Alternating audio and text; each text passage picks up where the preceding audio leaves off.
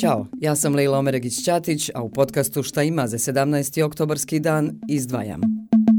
Vlada Federacije Bosne i Hercegovine još nije odgovorila na zahtjeve Saveza strukovnih sindikata doktora medicine i stomatologije za početak pregovora u vezi s federalnim kolektivnim ugovorom. Do danas je rok da se izjasne o zahtjevu sindikata kako bi se ujednačila prava doktora i doktorica u ovom entitetu. Ali kako odgovora nema ni nakon 40 dana čekanja, sindikalci najavljuju štrajk upozorenja o kojem će odlučivati danas. Predsjednica sindikata doktorica Marina Berberović za šta ima govori o tome šta je zapravo problem. Mi danas u zdravstvu imamo situaciju da doktor sa istom specializacijom, istim zanimanjem, skoro istim opisom posla, ima za 50% veću plaću u Sarajevu nego što ima u Orašju recimo. To su velike razlike koje, nažalost, ne mogu održati stabilan zdravstveni sistem, tako da naš ovaj zahtjev za ujednačavanje prava nije samo borba da se plaćaju jednače, nego i za održanje stabilnog zdravstvenog sistema gdje će stanovništvo imati zdravstvenu zaštitu sa dovoljnim brojem zdravstvenih radnika. Tako tako da ne vidimo šta je upitno vladi federacije što ne želi sjesti s nama za stol i dogovoriti to da doktori moraju imati jednaka prava i u Orašju, i u Mostaru i u Zenici i u Sarajevu.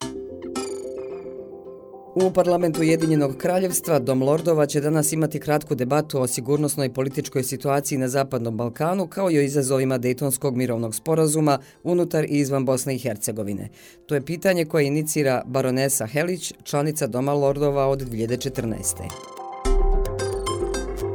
Lideri Evropske unije imaju hitan samit zbog rata Izraela i militanata Hamasa, dok raste zabrinutost da bi rat mogao da podstakne tenzije među zajednicama u Europi i pokrene novi talas izbjeglica. Predsjednik Vijeća Evropske unije, Charles Michel. Fokusirat ćemo se na četiri tačke. Prvo, moramo hitno raditi na pružanju pomoći za osnovne potrebe najranjivijih civila i to mora biti u potpunosti u skladu s humanitarnim pravom. Drugo, sve mora biti učinjeno kako bi se izbjegla regionalna eskalacija, a snažno uključivanje regionalnih aktera je ključno. Moramo nastaviti raditi na održivom miru zasnovanom na rješenju s dvije države, a to bi trebalo biti temeljeno na obnovljenim naporima u procesu mira na Bliskom istoku, kao što je inicijativa Mirni dan. Treće, konflikt može imati ozbiljne sigurnosne posljedice za naša društva, ima potencijal da pogorša napetosti među zajednicama i potakne ekstremizam.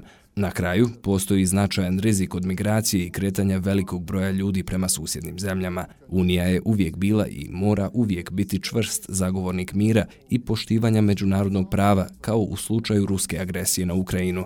Moramo se zajedno uhvatiti u koštac s ovim hitnim izazovima u jedinstvu u skladu s ugovorima i našim temeljnim vrijednostima. And with our fundamental values.